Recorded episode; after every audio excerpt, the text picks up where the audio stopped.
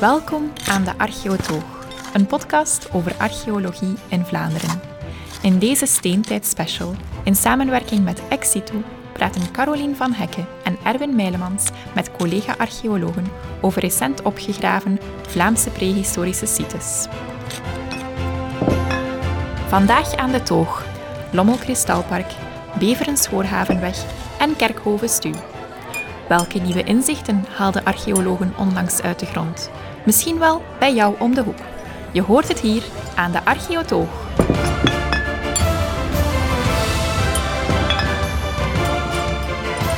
Welkom allemaal aan de Archeotoog voor deze speciale aflevering over enkele actuele opgravingen van de laatste jaren van grote steentijdprojecten. Uh, ik ben Erwin Meilemans van het agentschap Onroerend Erfgoed en vandaag word ik bijgestaan door Caroline van Hekke, directeur Stedelijk Museum van uh, Dendermonde, maar ook vooral hoofdredacteur van Exito. En die hoedanigheid vandaag hier uh, aanwezig. Dag Caroline, welkom. Dank u. Uh, kan je aan de luisteraars die Exito misschien nog niet kennen, uh, even kort uitleggen wat Exito juist is? Zeker en vast. Uh, Exito is een tijdschrift over archeologie in Vlaanderen. het wordt volledig samengesteld door een groep zeer enthousiaste vrijwilligers uit het werkveld, zowel van universiteiten als uit de privésector, als van musea, zoals ik zelf. En wij proberen eigenlijk actuele informatie en actuele verhalen die elke dag naar boven komen uit de bodem, naar een breed publiek te brengen. We komen vier maal per jaar uit en is volledig gratis, ons tijdschrift. Dit jaar bestaan wij ook tien jaar en ben dan ook heel blij dat we hier samen met uh, Onroerend Erfgoed uh, deze special mogen maken. Als je denkt, ik zie hoe dat lijkt mij wel iets voor onder de kerstboom. Uh, het is het moment, een abonnement kan je nemen via onze website uh, en dan betaal je enkel de verzendingskosten. Perfect. En de website is exitu.be, uh, maar we voorzien de, de link in de show notes ook. Uh, uiteraard. En op de website staan ook al enkele artikels. Als je als proevertjes wilt bekijken, dan uh, kan je dat daar zeker al terecht. Uh, en actuele archeologie, dat, is, dat sluit heel mooi aan bij het thema van vandaag. want in deze aflevering gaan we het deze keer niet hebben, zoals in de vorige aflevering, over enkele bredere thema's uit de prehistorie, zoals de kunst of het werktuigen maken of de landbouw, de introductie van de landbouw. Maar uh, we trekken onze laarzen aan en we gaan heel specifiek uh, naar enkele grote opgravingsprojecten van de laatste jaren uh, kijken en wat ze eigenlijk bijdragen over prehistorisch Vlaanderen. En dat doen we vandaag in het café van de Zemse, een charmant museum van de heemkundige kring van Zemst, waar we te gast zijn. je kan hier terecht voor een pint of een koffie of een blauwe chimay of een duvel, maar ook voor een kijkje in een indrukwekkende archeologische collectie, met als hoogtepunten collectie van het Bos van A, spectaculaire mammoetschedel. Een ander hoogtepunt is de Romeinse collectie van de Vicus van Elewijd, maar ook andere periodes komen aan bod tot aan de middeleeuwen toe. Het is eigenlijk een collectie die wordt beheerd door een gepassioneerde groep van vrijwilligers. Uh, en samen timmeren die mensen uh, letterlijk en figuurlijk aan een educatief parcours doorheen de regio van Zemst en omstreken. Dus zeker een bezoekje waard. Uh, intussen zijn onze eerste gasten komen aanschuiven. Welkom aan tafel hier. Marijn van Gils en Inger Woltingen. Welkom. Dank je. Welkom, Dank je wel. En Marijn, Marijn, jij bent mijn collega bij het agentschap voor Erfgoed en een beetje... Ja, we zijn samen de steentijd-specialisten, Brothers in Arms op dat vlak natuurlijk. Ja. Uh, Ingrid werkt bij Baak Vlaanderen. Ja, um, klopt. Als, ook als steentijd-specialiste. Ja, ik ben niet van... echt een uh, steentijd-specialist hoor. Daar heb ik collega's Daar voor. heb je een collega meegebracht ja. voor straks. Ja. Uh, hebben jullie een beetje genoten van de, de rondleiding? Zeker, ja, absoluut. absoluut. Ja. ja. Heel divers, heel interessant. Inderdaad. Ja, en dat toont weer natuurlijk dat je eigenlijk uh, steentijd en archeologie eigenlijk overal kan, kan vinden in Vlaanderen natuurlijk. Hè. Nou, de ja. prehistorische mens heeft uiteindelijk overal rondgelopen. Hè. Tot in de kleinste gehuchten en de grootste steden van Vlaanderen kan je wel iets vinden uit die periodes. En daarom hebben jullie twee ook wel uh, even erbij gevraagd om een beetje over de methodiek van steentijd uh, archeologie te praten. Uh, Marijn, jij en ik hebben eigenlijk vorig jaar, of dit jaar eigenlijk, ook een handleiding steentijd uitgebracht. Dat is een beetje een technische handleiding natuurlijk, die zullen we ook de link voorzien in de show notes. En Inger en een consortium aan andere archeologen Jullie hebben een uh, evaluatieproject gedaan van booronderzoeken naar steentijd. Uh, ook een vrij technisch document ja. eigenlijk, maar uh, bij de late uurtjes misschien bij een kampvuur. Nog wel aangenaam literatuur, wie weet. Bij het kampvuur, ja, niet in het kampvuur. Ja, nee, Als het echt te veel wordt. Um, ja, voilà. Dus we gaan bij jullie even te raden van wat dat eigenlijk juist is. Want meestal bij bouwprojecten is er een archeologisch vooronderzoek vereist. Zoeken naar ja, gewone spoorsites gebeurt bij heel veel projecten. Bij steentijdarcheologie is dat niet altijd het geval natuurlijk. Het wordt eigenlijk ingezet bij heel specifieke situaties. Uh, ja en nee. Um, als het goed gaat, is het wel de bedoeling dat bij elk van die projecten de archeoloog ook wel degelijk nagaat of het nuttig zou zijn om naar steentijdarcheologie te speuren. Uh, maar het is niet bij elk van die projecten inderdaad nodig om dat ook effectief op het terrein te gaan doen. Uh, want ja, de steentijd is een, een, een lange periode geweest, die ook lang geleden heeft plaatsgevonden. En uh, ja, sindsdien is het landschap natuurlijk nog wel een beetje gewijzigd geweest. Uh, heeft de mens daar nog allerlei andere dingen in gedaan, wat ervoor heeft gezorgd dat op veel plaatsen de bodem natuurlijk verstoord is geraakt. Um, en ja, dat steentijdzites daardoor ook niet overal bewaard zijn gebleven. Um, ook natuurlijke zaken, erosie, kunnen steentijdzites hebben verstoord. En ja, vaak uh, kunnen archeologen al van op, op basis van kaartmateriaal en dergelijke, dus van op de bureau, al uitmaken of dat het nog nuttig zou kunnen zijn om ergens een onderzoek te doen of niet. Um, daarnaast kan het ook zijn dat die steentijdzites uh, redelijk diep bewaard zijn. Niet altijd, ze kunnen ook gewoon aan de huidige oppervlakte uh, aanwezig zijn, maar ze kunnen ook diep bewaard zijn en ja, soms een stuk dieper dan de werken die gepland worden. En dan kunnen de sites gewoon onder de, de nieuwbouw of het nieuwe project uh, bewaard blijven en is het ook niet nodig om, om er naar te gaan zoeken. En ja, tenslotte, van in sommige regio's hebben we wel een, een, zeker beeld over waar dat de prehistorische mensen het meeste verbleven en het meeste hun, achter, eh, hun afval achterlieten. Want ja, die sites bestaan vooral uit, uit het afval van de mensen van vroeger. En ja, hebben een zeker beeld over waar dat we de, meeste, wel, de grootste kans hebben om ook effectief die sites te gaan, te gaan vinden. Ja, dus we proberen eigenlijk een beetje in, de, het hoofd te kruipen van die prehistorische mensen natuurlijk. Dat heel moeilijk is, want we weten natuurlijk... Uh, we kennen die mensen, we kennen het landschap wel en we weten wel wat er traditioneel sites worden teruggevonden. Maar toch, we proberen eigenlijk zo'n beetje te, te, denken zoals zij dachten. Een, een klein beetje, ja. ja. Maar vooral ook op basis van de kennis die we hebben van uh, de sites die al gekend zijn, die we al gevonden hm. hebben. En het zijn dan dikwijls de locaties waar er bijvoorbeeld heel veel voedselbronnen aanwezig zijn, of bijvoorbeeld water. Ja. Dicht bij waterlopen is een heel uh, traditionele. Uh, een hoge plaats dicht bij waterloop. Ja, inderdaad. Z zeker in de Kempen, de Zandstreek. Uh, ook, ook de grote riviervalleien van, van de Schelde en de Maas. Daar is inderdaad gebleken dat de, de meeste grote, duidelijke uh, vindplaatsen, dat die zich inderdaad meestal vlakbij voormalig open water mm. bevonden, vlakbij die beekvalleien of riviervalleien, vlakbij vennen en dergelijke. Uh, maar dan toch ja, net op de droge posities erlangs. Ja. Dikwijls wel, eh, vaak wel tot in, de natte, uh, tot in de natte depressie en zo. Maar ja, echt op de overgang van die twee ecologische niches van nat en droog. Dus droge voeten, maar toch uh, een lekkere visje en een lekkere ree en weet ik veel wat allemaal, besjes en, ja, in de buurt. Inderdaad.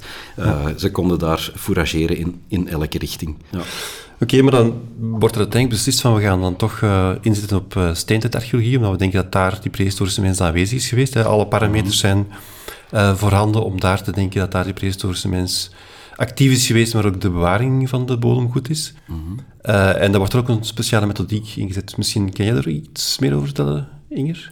Uh, ja, ik denk dat we, um, als ik Marijn nog eventjes mag aanvullen, um, vooral moeten uitgaan van dat, van dat landschap inderdaad en hoe intact uh, dat nog aanwezig is. Want uh, de prehistorische mens heeft ons denk ik al meer dan eens verrast met ergens te zitten waar we hem niet verwachten. Um, dus ja, dat, dat onderzoek dat is eigenlijk heel gefaseerd. de manier waarop we, dat we specifiek naar, naar steentijd zoeken. dat heeft alles te maken met de manier waarop dat die, die steentijd, allee, die, de resten daarvan zich nu manifesteren in het landschap anders dan bij, je hebt het net al genoemd, uh. Je hebt gezegd gewone uh, sites. Dat is, zijn, dat is hetgeen dat we gewoon zijn van, uh, van de archeologen. Als de meeste mensen denken aan een archeologisch onderzoek, dan zijn dat meestal sleuven en duidelijke verkleuringen in de bodem. Um, voor die steentijd is dat, Marijn heeft het net al aangehaald, uh, eigenlijk zijn dat vooral ja, afval van die mensen waar we, waar we naar op zoek zijn, omdat dat het enige is dat die hebben achtergelaten voor een groot deel. Hè. Die jagers-verzamelaars, dat zijn nomadische mensen, uh, die bouwden geen huizen, dus die groeven geen palen in de grond, hooguit misschien een keer de middenpaal van een tent of zo, maar voor het, het grootste gedeelte is dat uh, materiële cultuur die, uh, die bewaard kan blijven. En heel veel um, blijft daar ook niet van bewaard, omdat het zo oud is. Dus dat zijn echte anorganische zaken. Um, en dan denken we al snel aan vuursteen, natuursteen. Um, ja, hoe spoor je dat nu op in zo'n landschap? Dat is natuurlijk niet simpel, want als je daar een groot gat graaft, dan zie je dat allemaal niet liggen. Dat afval is doorgaans heel klein. Dus we beginnen, hè, als we al hebben vastgesteld dat het landschap nog redelijk intact is, zoals dat het in de prehistorie is geweest, geweest beginnen we met een booronderzoek. Dat hebben we dan, aan de hand daarvan hebben we dan vastgesteld dat het landschap effectief intact genoeg is. En dan gaan we een, uh, vervolgens nog een booronderzoek doen, waarbij dat we eigenlijk stalen dan verzamelen. Een dichter grid. ja, met een dichter grid. Preciezer booronderzoek. Ja, omdat uh, ja, je moet je ook voorstellen, die mensen leefden ook niet in supergrote groepen. Dat waren, dat waren geen dorpen, uh, hooguit gehuchten, en dan was het al groot. Dat waren, waar we vanuit gaan, um, wat we ook zien in ja, huid, hedendaagse nomadische volken eigenlijk, hè, zijn dat meestal eerder kerngroepen van een, een gezin of een aantal gezinnen bij elkaar. Dus dat moet je niet voorstellen als een gigantische camping aan de Spaanse kust of zo. Dat is eerder een, uh, een boerencamping uh, in, uh, in de buurt van Zemst, zoiets. Um, dus, dat is, dus dat is niet groot. Dus dan moeten we in een heel dicht grid ja. gaan zoeken en ook in een vast grid, zodanig dat we ook effectief weten dat het staal dat we genomen hebben, waar dat, dat vandaan komt. En als daar dan materiaal in zit ja, dan gaan we nog iets verder. Hè? Dan gaan, we, gaan we nog wat, uh, wat dichter kijken. Um, en materiaal, ja, dat moet je zien als, uh, als wat ik net zei. Hè? Die, uh, die stenen, die vuurstenen, natuursteen. Soms ook andere zaken, maar die zijn minder direct te linken aan, aan de mens. Dingen als houtskool of verbrande vruchten, granen. Dat soort dingen. Fragmenten bot. Maar ja, dat is niet altijd gezegd dat dat natuurlijk specifiek door de mens daar gekomen is. Ja, en, en eigenlijk heb je aan, aan één vondst eigenlijk al genoeg om te, te weten van de prehistorische mensen hier geweest. Ja, het is echt een, het is een heel, heel beperkt uh, monster dat je neemt. Hè. Veel kleiner uh, percentueel gezien dan wanneer je een, een proefsluf graaft. Hm. Um, dus ja, uh, als, als daar iets in zit, als het prijs is, dan mag je ervan uitgaan dat daar... Dat er iets gebeurt Dat er daar in de buurt, hè, vlak ja. in de buurt, toch iets van ja. een prehistorische activiteit is geweest. Ja. Hm. ja. En als je spreekt over een monster of een boorstaal, maar concreet, hoe gaat dat in zijn werk en hoe ziet dat eruit en wat doe je met dat monster? Ja, uh, meestal doen we onze boringen handmatig, soms ook mechanisch, maar laten we uitgaan van de, van de handmatige. Dat is eigenlijk gewoon een handboor, met een, uh, zoals dat mensen kunnen gebruiken om palen in de grond te zetten, hè, in de tuin gewoon, of uh, het speeltuig voor de kinderen of een vogelhuis. Um, maar dan meestal iets groter van diameter, pakt gemiddeld iets van een 15 centimeter diameter. En dan boren we eigenlijk um, ja, een, een staal op, gewoon, gewoon zoals je die boring zet. En dan verzamelen we zeg, de bovenste 30 centimeter van het oude loopoppervlak eigenlijk. Dat um, kan je zien in die boring, ja, waar dat... Ja. Um, dat wordt gezeefd, nat gezeefd, echt op heel fijne maaswijten, 2 mm, 1 mm soms. Uh, ook vooral omdat, wat ik net al zei, ja, die, die stukjes zijn gewoon heel erg klein.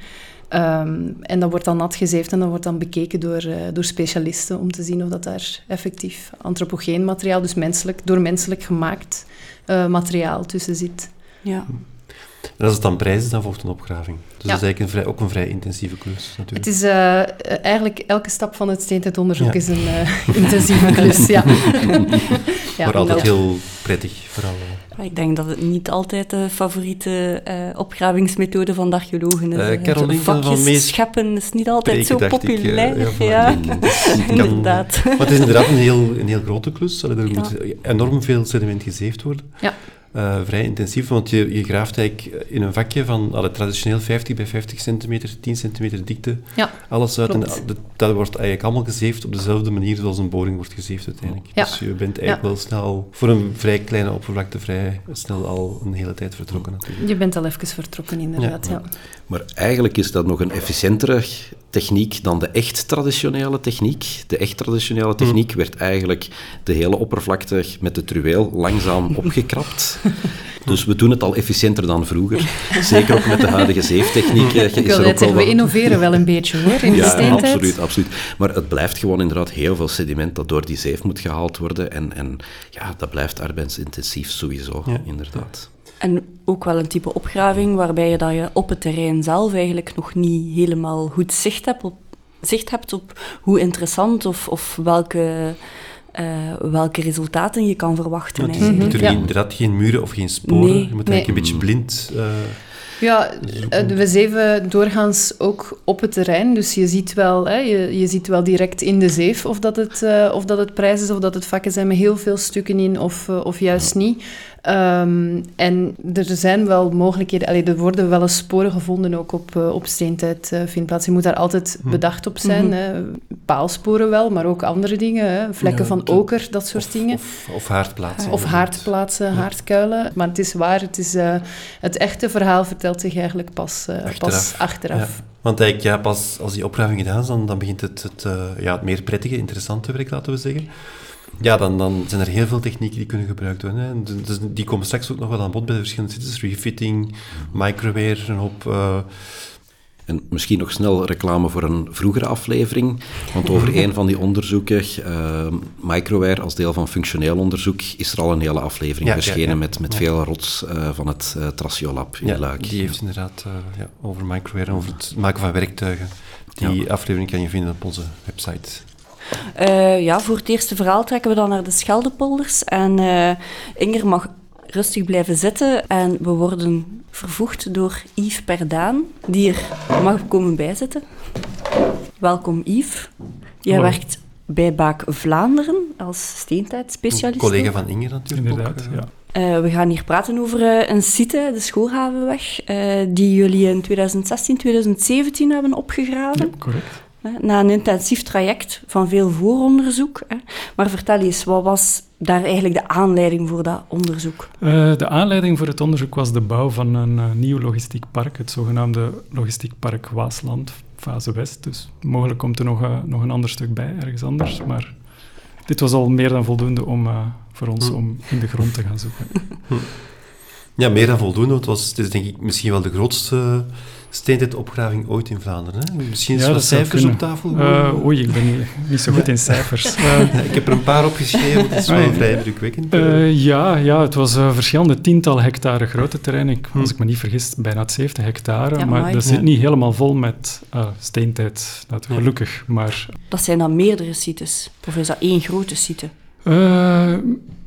Uh, ja, ja dat, dat, hangt er een beetje af van hoe dat je zo'n site definieert. Okay. Het, is, het is een aaneensluiting, allee, een aaneenschakeling van verschillende vuursteenconcentraties. Maar, ja. Ja. Ja, om het nog een beetje in perspectief te plaatsen, want er is op zich de 17 hectare steentijdarcheologie. Ja.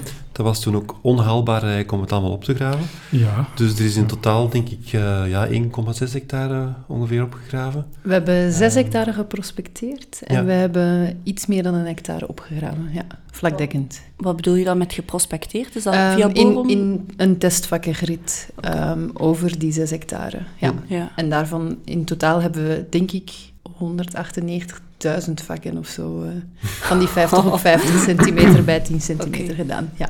Mm-hmm. ja. ja.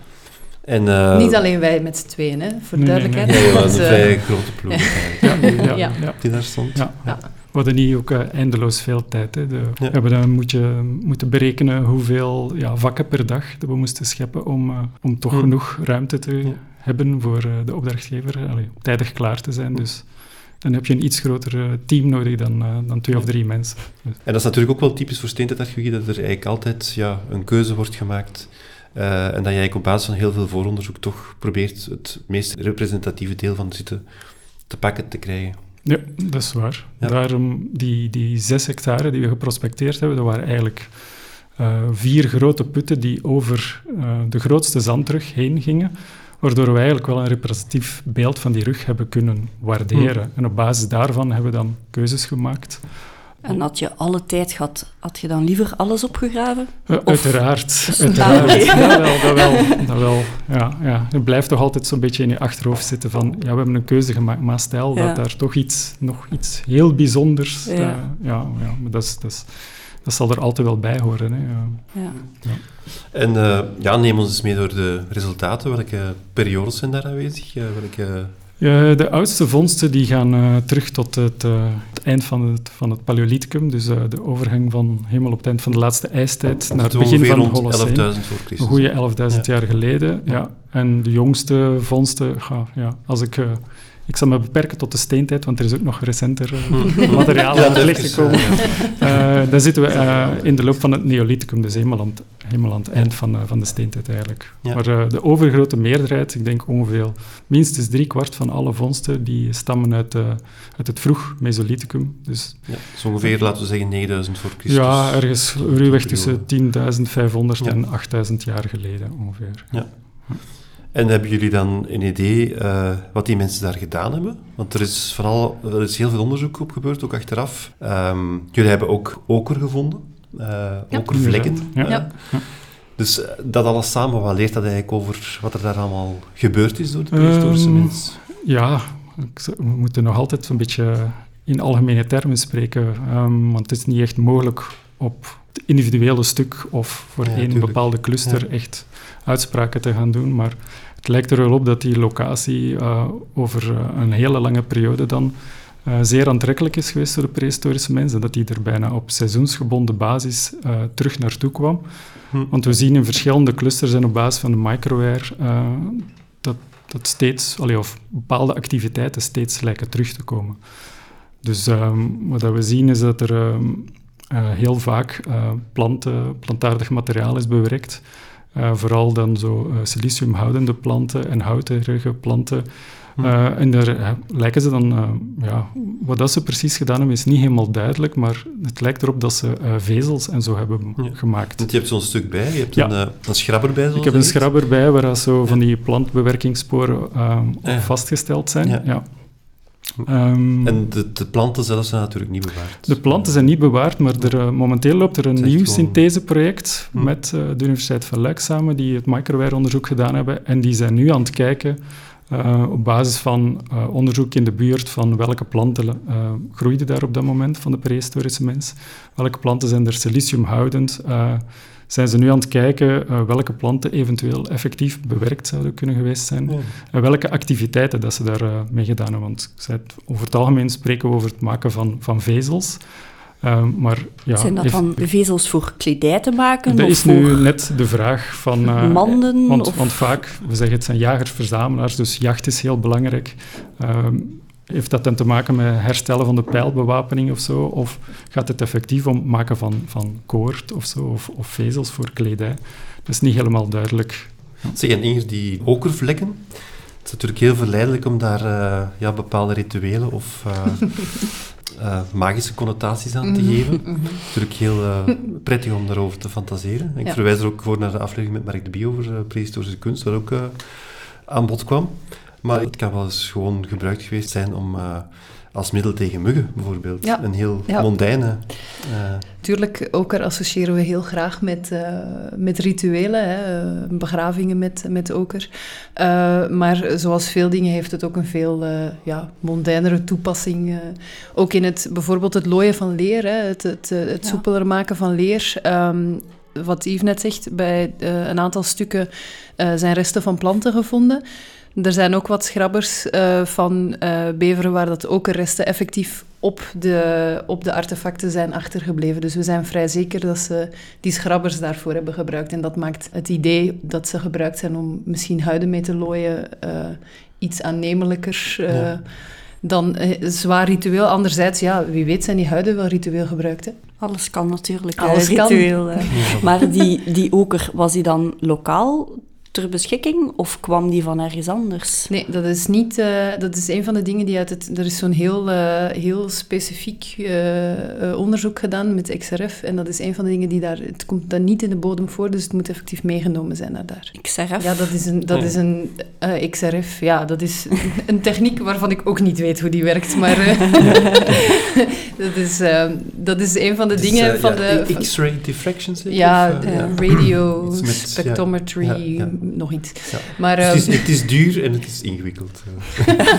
ja, het is, eh, archeologie is natuurlijk een, eh, een, een, een, een tak van sport waarin dat heel veel gebruik wordt gemaakt van andere uh, technieken. Het is alleszins een techniek die vast kan stellen wat de, de samenstelling van een, van een mineraal is. Ja. En die kan verschillen, ook al is hetzelfde mineraal van oorsprongsgebied, kunnen daar kleine verschillen in zitten, waardoor dat je eigenlijk kan zien komt iets lokaal, komt iets uit Duitsland of uit Frankrijk of zo. Of het Ja. zo ver gaat, dat weet ik niet. Maar Ja. eh, in, in dit geval was het in ieder geval duidelijk dat het, eh, dat het effectief echt oker was. En niet, Ja. eh, niet een andere ijzerverbinding, verkleuring in de bodem of Ja, zo. ja, ja. ja. Die zandrug daar is dan gebruikt geweest voor duizenden jaren. Hebben daar continu mensen op geweest? Of zoals je zegt, van op seizoen- seizoenale basis? Of van, hoe moeten we dat ons voorstellen? Ja, ik, eh, ik heb er zelf ook moeite mee om mij dat voor te stellen, eerlijk gezegd. Want het gaat inderdaad over een paar duizend jaar. Ja. En we hebben iets meer dan een 150-tal van die vuursteenconcentraties opgegraven. En als je dat dan extrapoleert naar de rest van de rug, dan zit je misschien aan 400, 500 vuursteenconcentraties. Is dan de vraag van, ja, als je bijvoorbeeld 2000 jaar deelt door 500, komen ze daar één keer Hmm. per jaar, komen ze om de vier jaar eens langs. Eh, ik vind dat zeer moeilijk om mij dat voor te stellen. Het is uiteraard wel zo dat vooral in, in vroeg Mesolithicum dat ze heel vaak kwamen. En dat we dan ook wel minstens twee verschillende soorten van nederzettingen zien. Hele kleintjes dan en, en hele, die een stuk groter zijn. En dat we denken van, dat zijn waarschijnlijk hele tijdelijke jachtkampjes. eh, waar je nauwelijks veel meer vindt dan wat resten van de pijlbewapening. En En hebben jullie dan een idee op wat dat ze jong is? Er eh, bot Ehm, bewaard? Of, allee, er er is eh, bewaard, bot bewaard, maar niet zo heel veel. Door de zuurte van, het, van de zandgrond is het merendeel verloren gegaan. En enkel verbrande, verkoolde resten zijn, zijn overgebleven. En die stukken zijn zo sterk gefragmenteerd dat het eh, zelden mogelijk is om die stukken te identificeren. Eh, Dus van, van alle paar duizenden fondsen die we hebben gedaan van verbrand bot kan amper 1% eh geïdentificeerd worden. Hm. En dat blijkt dan vooral om, om wild zwijn en ree te gaan. Ja. En ja, het waren jager-verzamelaars. Heb je ook een idee wat ze hebben verzameld dan naast de jacht? Of zijn er daar resten van teruggevonden? Of? Voor, voor m- steentijdarcheologie wordt er dan vaak gelachen voor het Mesolithicum dat ze niet veel meer aten dan hazelnoten. Want dat is iets dat bijna, ja, bijna standaard voorkomt op zo'n vindplaats. In, in, in de haard eh, blijven die doppen van, eh, van de hazelaar vaak bewaard. En dat is Hmm. voor ons ook het ideale middel om de, om de vindplaats dan ook effectief te gaan rechtstreeks dateren door, door koolstof 14. Maar naast hazelnoot aten ze ook nog wel andere dingen hoor. Er zijn, zijn soms planten bij waar wij als eh, Hmm. mens tegenwoordig gewoon niet meer aan denken dat zoiets eetbaar is geweest. Of dat ze bijvoorbeeld uit eh, dennenbast en zo eh, zetmeel en suiker Ja. hebben gehaald. Ja. Dat zijn allemaal zaken die, eh, ja, die voor ons Die ook wel nieuw zijn zijn. Ja, ja. Ja. Er zijn Ja. ook aanwijzingen door die studie dat er mogelijk ook eh, eh, teer is gemaakt, dat er mogelijk als Ja. kleefstof zijn, kan Er is nog werk zijn. voor de foodarcheoloog om Ja. nieuwe recepten te bedenken. Een beetje tussendoor. eh, ik denk dat eh, een van onze volgende gasten straks, eh, Hans, een van zijn eerste studentenjobjes op de universiteit, het wegen van hazelnoten was. Ja, Misschien kunnen we eens, hem daar straks ook nog in Nog, terugkomen. nog heel kort, want Beveren-Schoorhavenweg is eigenlijk niet de enige zitten daar in de buurt. Er zijn nog, eh, eh, ja, bij de, vooral bij de havenwerken vrij veel sites gevonden. Avenakkers. Do- Doorgang Dok, eh Verrebroekdok. ehm. dus waarom was dat landschap zo interessant eigenlijk voor de prehistorische mensen? Eh, ja, nu is dat moeilijk voor te stellen, maar eh, in de prehistorie was dat een heel ja, ik zei, dynamisch landschap. Ehm, de Schelde die zat vlakbij, je hebt de zeespiegel die toen volop aan het stijgen was, eh, naar aanleiding van ja, de, de klimaatopwarming toen. Ehm, dus het landschap is beginnen vernatten. Je krijgt als het ware een, een soort moeras daar. Ehm, dergelijke moerassen zijn zeer rijk als biotoop. Dus je hebt eh, allerlei watervogels, eh, hele rijke plantenscala. Dus dat moet voor die prehistorische mensen ook een zeer aantrekkelijke plaats geweest zijn. Als je dan ook nog een paar droge zandruggen in de buurt hebt, die dan eh, ja, ideaal zijn om op te vestigen, dan... dan Oké, dankjewel voor deze interessante rondleiding op de site van eh Beveren-Schoorhavenweg. Dankjewel Inger en Yves. Graag gedaan. ja. Dan eh, ruilen we nu de polderklei in voor de Kempense zandgronden eh, en trekken we dapper naar het oosten, naar de site van Lommel Kristalpark. Eh, daarvoor zijn Marjolein van der Waa, archeologe van de KU Leuven, eh, en Ferdy Geerts eh, van het archeohuis De Kolonie in Lommel eh, aangeschoven bij ons. Hier lekker gezellig. Welkom, ook voor jullie. Dank je. Dank u. Marjolein, jullie zijn nog altijd aan het opgraven op dit moment op de site. Ja, Hoe ver klopt. staan jullie? Ja, ehm, het gaat eigenlijk heel goed. Eh, we hebben ondertussen echt een, ja, als ik het zo mag noemen, schat aan informatie verzameld over een gigantisch, eh, gigantisch oppervlakte. Dus eh, wat dat betreft mogen wij absoluut niet klagen. Ik wil even een kleine shout-out doen naar mijn uh, collega's die op dit moment uh, uh, de site aan het voorbereiden zijn om veilig de winter door te komen.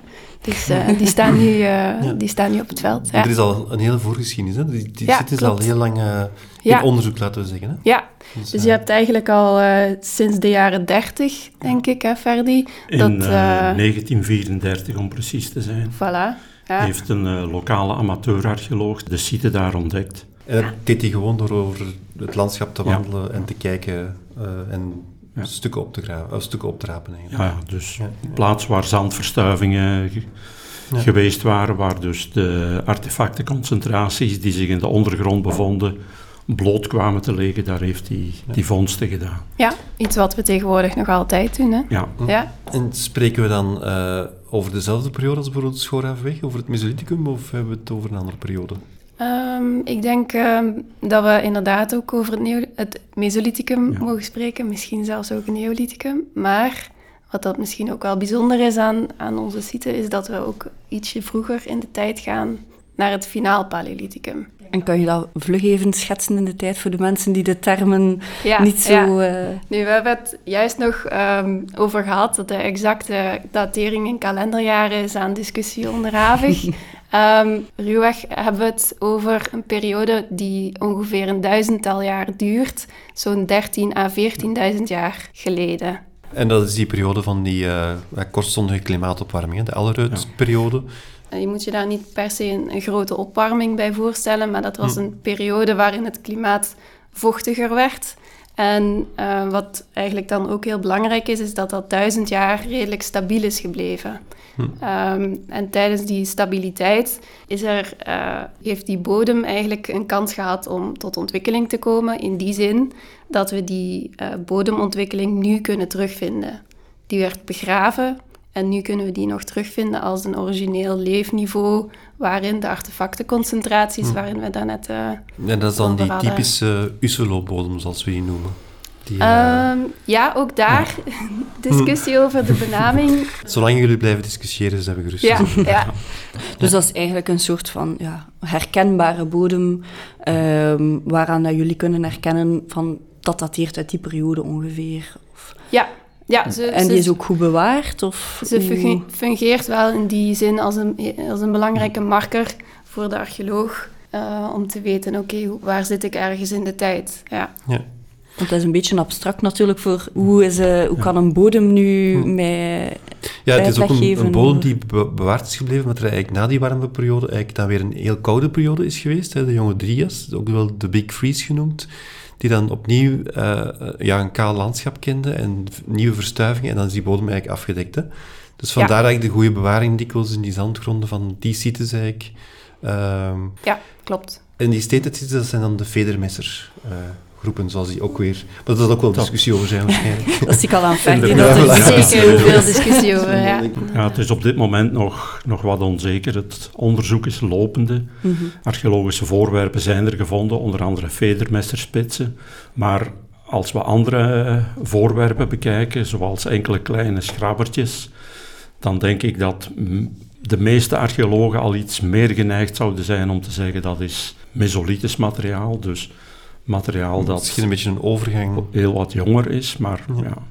ja. Dat is ook onzeker op dit ogenblik. Ja, ja. ja.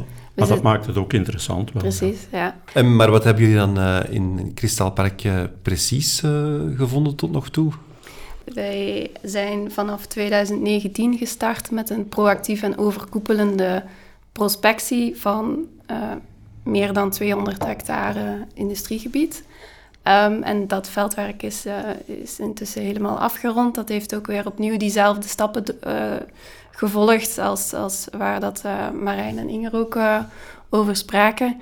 En op dit moment zijn we dan inderdaad langs de Molseneten eigenlijk hoofdzakelijk nog een laatste opgraving aan het, aan het afronden. Ja. Hm. En uh, bij jullie ja, komen we ook weer een beetje terug op die oker, maar bij jullie ook wel weer een heel bijzondere situatie, uh, dacht ik. Ja. Want jullie hebben echt okerstiften gevonden, hè? Klopt. Stukken oker. Ja.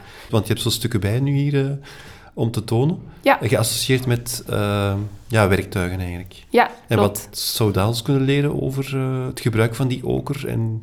Er zijn inderdaad een heleboel interessante vragen nu extra uh, bovenop onze, ons onderzoeksprogramma gekomen. Inderdaad, omdat dat nogal een verrassende vondst was voor ons. Hm. In die zin dat we echt een, een rij duidelijke sporen hebben kunnen onderscheiden. Waarvan we ja, toch wel ook al in het veld zeker waren dat het oker was omdat de prehistorische mens het ons makkelijk heeft gemaakt door daar effectief een aantal okerstiften achter te laten in die vulling. Dat hebben ze speciaal voor jullie gedaan, Ja, moeten ik wij. denk het ook. Okerstift. Ik denk dan dat dat iets is om mee te tekenen of mee te Hm. schrijven. Ja. Maar misschien kunt je Ja. een beetje uitleggen, wat is dat dan, een okerstift? Wat moet ik Ehm, daarmee bij voorstellen? We Je hebt hebben er er hierbij, Ja, dus je, je- kan ze tonen, maar de mensen Ja. kunnen natuurlijk niet meekijken. Maar Ja, misschien is- kan je beschrijven wat dat is. Het is een fragment eh, oker dat in oorsprong een wat ruwere vorm had. Maar om eh, die oker te gebruiken, bijvoorbeeld bij het looien van de huiden of misschien om het lichaam te beschilderen, hè, de- eh, werd die oker heel vaak over een tablet gewreven. Een natuurstenen tablet. Zodanig dat men poeder verkreeg. En door dat wrijven merk je dus dat die oker de vorm van een stift krijgt en dat er verschillende facetten aan zitten. Ja, ja, ja. Dus je, ziet, je ziet duidelijk dat Ja, die oker gehanteerd is Ja, door een mens. Hè. ja. Kristalpark is niet de enige site van die vedermesserculturen in, eh, in de Kempen eigenlijk. Hè. We kennen verschillende van die sites. Ja, in de, de Kempen hebben we inderdaad heel wat sites. Er is eh, de site van Meer, Hm. Oud Turnhout, de Liereman. Ik wil er dan ook eh Rekem wel bij rekenen. Dat ligt wel Nee, een beetje aan de verder, Maas, eh, maar, ja, eh, ja. we rekenen dat Waar toch- ook weer die de teruggevonden. Kempen. En, Ja, eh, ja. en dan hebben we natuurlijk Lommel. Daar hebben we zelfs drie vindplaatsen. Ja, nog één heel bijzondere vondst die je voor ons hebt meegebracht. Ehm. Een echt eh, topstuk uit Vlaanderen. Mogen we een keer kijken? De gegraveerde kei uit Lommel. Ja, het is dus die gegraveerde rolsteen. Voilà, hier is hij dan. Het is ja, een, een bruin sigaartje. het is wat driehoekig van doorsnede en er staan dan tien groeven in. Ja. En enkele van die groeven die zijn opgevuld met rode oker. En er zit wel duidelijk een patroon in, want die tien groeven staan niet zomaar willekeurig over die steen verspreid, maar ze zijn dan gegroepeerd in twee groepjes Dus het heeft een Van bepaalde vijf, betekenis. het heeft een bepaalde betekenis. Of het nu echt kunst is. Het, het is in ieder geval een, een moderne mens hè, die op Hm. dat ogenblik, ergens rond 13.000 jaar geleden, abstractie gemaakt heeft van een of andere werkelijkheid en die, die groef is aangebracht in de steen. En dan weer die rode oker. Toch wel een raadselachtig product uit die periode dat Ja. vaak gebruikt werd. Oké, bijzonder om het nu eh, echt live te, Ja. kunnen, te kunnen zien. Volgend jaar, einde november, is er een grote topstukken tentoonstelling in het MAS in Antwerpen. En de tentoonstelling gaat openen met Deze Ah ja, steen. de ja. Oké, Super. dank jullie wel, Ferdi en Marjolein. Graag gedaan. Dat is, eh, voor dit boeiend verhaal. Als we zelf prehistorische jager-verzamelaars zouden zijn, dan zouden we nu waarschijnlijk eh, de Nete en dan de Ruppel volgen, eh, om dan de Schelde stroomopwaarts te volgen richting onze volgende site. En dat is die van Kerkhoven. Bij ons is Hans komen zitten, Hans van Driessen. Ik heb hem daar juist al even vernoemd als weger van hazelnoten. Ja, inderdaad. Een van mijn eh, vele kwaliteiten. En, eh, Dag Erwin en Caroline. Dat is omdat ik toen naast u zat met het scannen van luchtfoto's van Wereldoorlog 1. Dus ik denk dat we de meest boeiende studentenjobs hadden van dat moment. eh.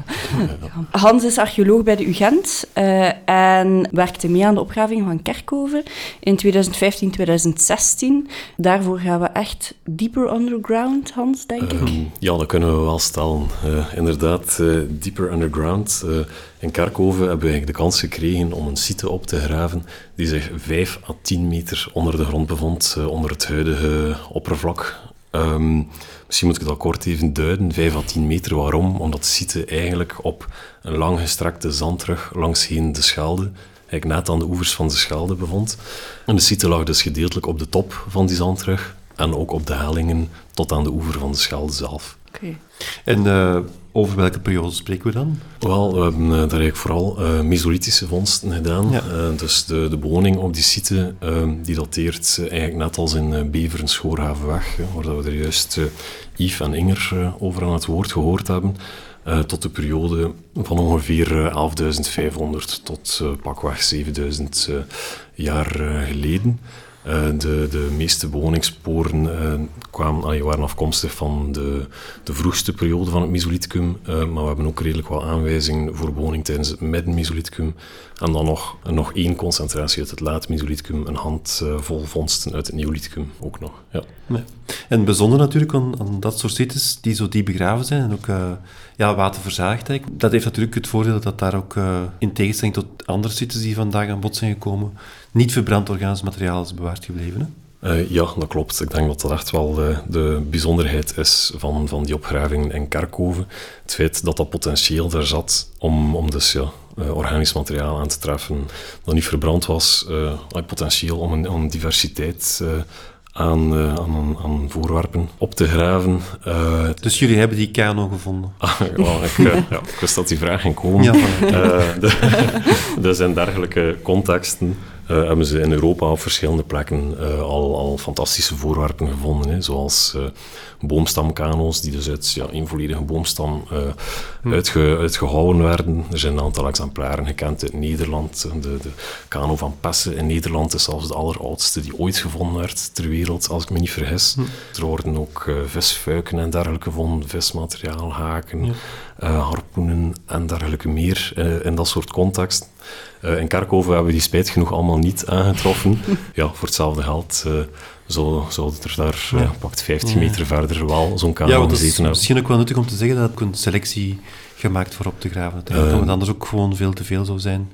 Maar toch, het is bijzonder dat jullie dat onverbrand bot en jacht wilt hebben. En leert hij iets over waarop de prehistorische mens gejaagd heeft daar? Ja, eigenlijk uh, enorm veel. Het is eigenlijk een van de weinige sites in Vlaanderen die ons inzicht uh, verschaft in, uh, in de jachtpatronen van de jager-verzamelaars die toen ter tijd leefden. Eigenlijk de dierlijke botresten die we gevonden hebben.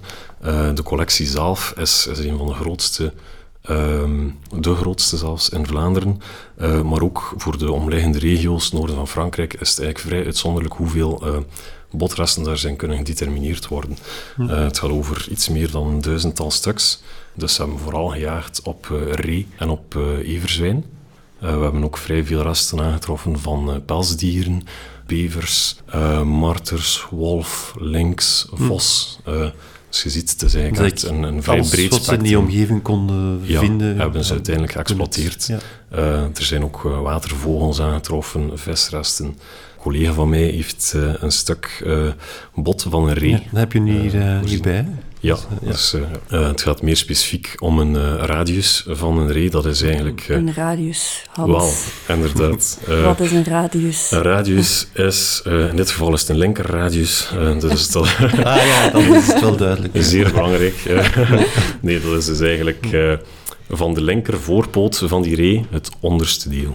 Ja. boven de dit stuk is uh, op zich zeer bijzonder. Waarom? We hebben eigenlijk een collega die sinds kort begonnen is met uh, een zeer gedetailleerd onderzoek te doen van die botresten die gevonden zijn op de site, Camille Pironneau. Uh, en ze heeft al op een aantal van die dierlijke botresten snijsporen kunnen ontdekken. En dat is eigenlijk wat we hier zien. Dus helemaal onderaan dit stukje bot zien we zo'n snijspoor uh, en dat zal eigenlijk typisch geweest zijn, uh, typisch de plaats waar dat uh, jager-verzamelaars sneetjes toebrengen om dan de huid van het karkas ja. te halen. Ja. Ze zullen dat gedaan hebben om die huid te recupereren, maar natuurlijk, dat is ook de beste manier om toegang te krijgen tot ja, het vlees, om, mm. om dan verder te gaan consumeren. Mm. er zijn een twaalftal reeën uiteindelijk naar de site gebracht en verwerkt. en daarbij heeft ze kunnen vaststellen dat het eigenlijk allemaal om volwassen individuen ging. Wat dat op zich iets vreemd is. Waarom? De mannetjes komen solitair in het landschap voor. De vrouwtjes en, en de uh, reekalfjes die komen gegroepeerd voor.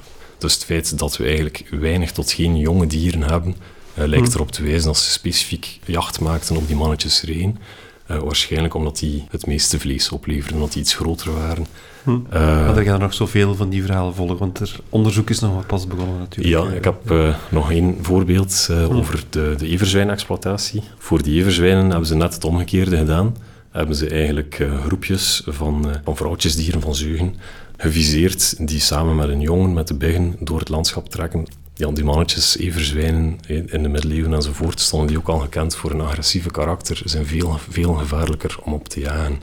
Dus dat, eh, dat is al iets dat de site van Kerkhoven uh, toont eigenlijk al voor die twee diersoorten aan dat de prehistorische mens uh, op een zeer specifieke manier jaagde op verschillende diersoorten en dat er dus wel, wel doordachte jachtstrategieën ja. Zeg, je hebt nog een ander stuk voor ons bij, een zogenaamde refit. Dat is eigenlijk een, een steen die terug, eigenlijk een kernsteen, Waar daar verschillende, waarschijnlijk werktuigen zijn gemaakt en die terug aan elkaar gepuzzeld is. Hè? Ja, dat klopt. Dus eigenlijk de meeste vondsten op de site van Kerkhoven bestaat uit vuurstenen artefacten. Hè. In Kerkhoven hebben we zo'n 60.000 artefacten gevonden. Die komen natuurlijk niet zo voor in de natuur, maar in de vorm van knollen. Als je op zo'n knol slaat, dan breekt die af in uh, scherpe stukken. En het refitten is eigenlijk het terug aan elkaar puzzelen van die verschillende afzonderlijke artefacten. Uh, dat geeft ons inzicht in de manier waarop dat ze dat deden, dat, maken van, van die, die scherpe afslagen. Uh, enerzijds. En anderzijds, dat zegt iets over de plaats waar dat, uh, die vuursteen bewerkt geweest is. En deze refit bestaat eigenlijk uit uh, 16 verschillende stukken.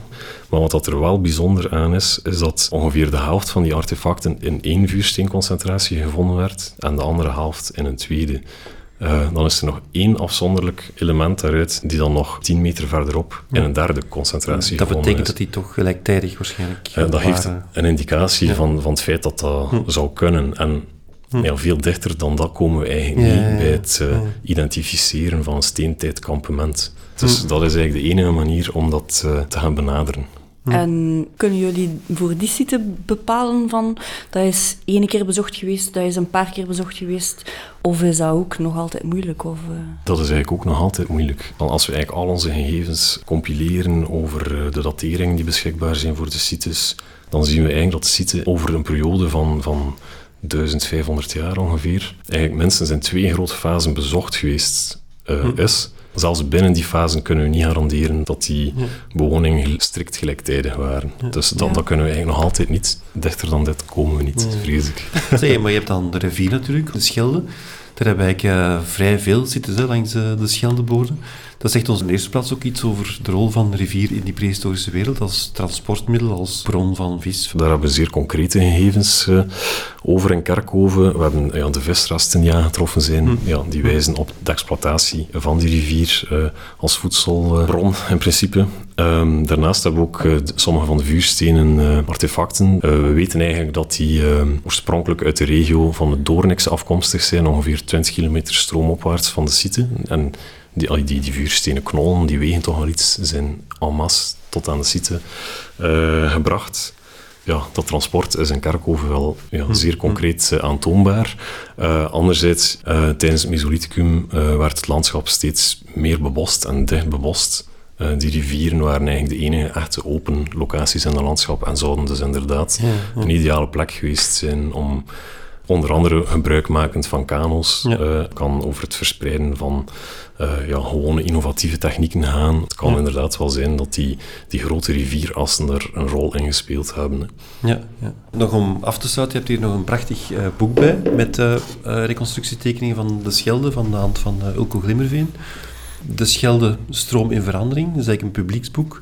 Dat is eigenlijk een van de bijzondere dingen aan de opgraving in Kerkhoven, is dat er zeer veel geïnvesteerd is in het maken van reconstructies van uh, de landschappen waarin dat de prehistorische mens geleefd Jullie hadden er ook heel veel informatie over, dankzij natuurwetenschappelijke technieken, inderdaad. stuifmeelkorrels. Ja, dat soort, inderdaad, die stuifmeelkorrels, ehm, de mollusken en dergelijke geologen die zijn komen kijken naar de manier waarop die schaldehuil opgevuld was doorheen de tijd.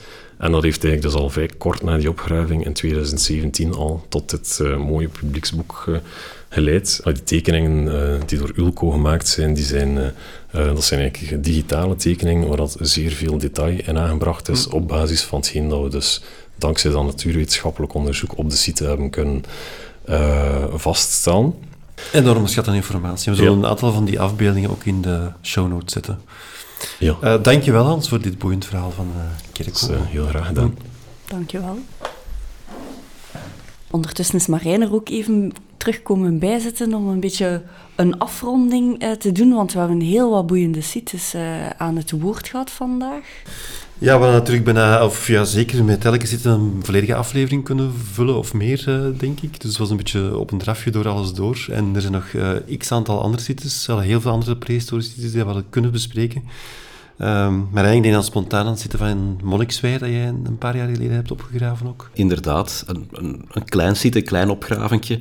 Het bijzondere aan die site was dat er een bepaalde grondstof uh, veel meer voorkwam dan dat we die voordien op andere vindplaatsen hadden aangetroffen. En die grondstof die heet ftaniet. Vuursteen is iets wat dat vaak wordt geassocieerd met de steentijd. En dat is inderdaad de grondstof die we het meeste aantreffen, uh, die het meeste werd gebruikt door de prehistorische mens om uh, zijn snijdende werktuigen mee te maken. Maar hij gebruikte ook verschillende andere steensoorten daarvoor. En we zien dat die, ja, dat die vaak maar een beperkt oorsprongsgebied hebben, maar wel redelijk ver verspreid geraakten. En ja, dan kunnen we beginnen denken over, ja, hoe komt dat? Uh, migreerden die mensen over zo'n lange afstanden doorheen het landschap? Bijvoorbeeld Wommersom kwartsiet, dat is tot ver in Nederland uh, teruggevonden. Of ja, uh, was er sprake van, van een zekere vorm van handel uh, van die grondstoffen. Hm. En ftaniet is ook een van die grondstoffen die op veel sites wordt aangetroffen, maar vaak in heel kleine aantallen, vaak maar één stukje of, of een paar stukjes. Er zijn maar weinig vindplaatsen waar dat er een, paar meer zijn. Maar in Meeuwig hebben we er een kleine 800 opgegraven.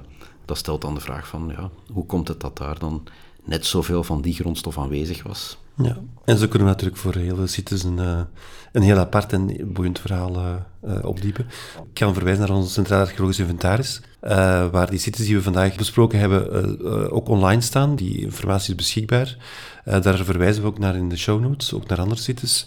Er is ook een thema in die Centraal Archeologische Inventaris prehistorische sites en sitecomplexen. Daar kan je ook aan grasduinen in prehistorisch Vlaanderen, denk ik.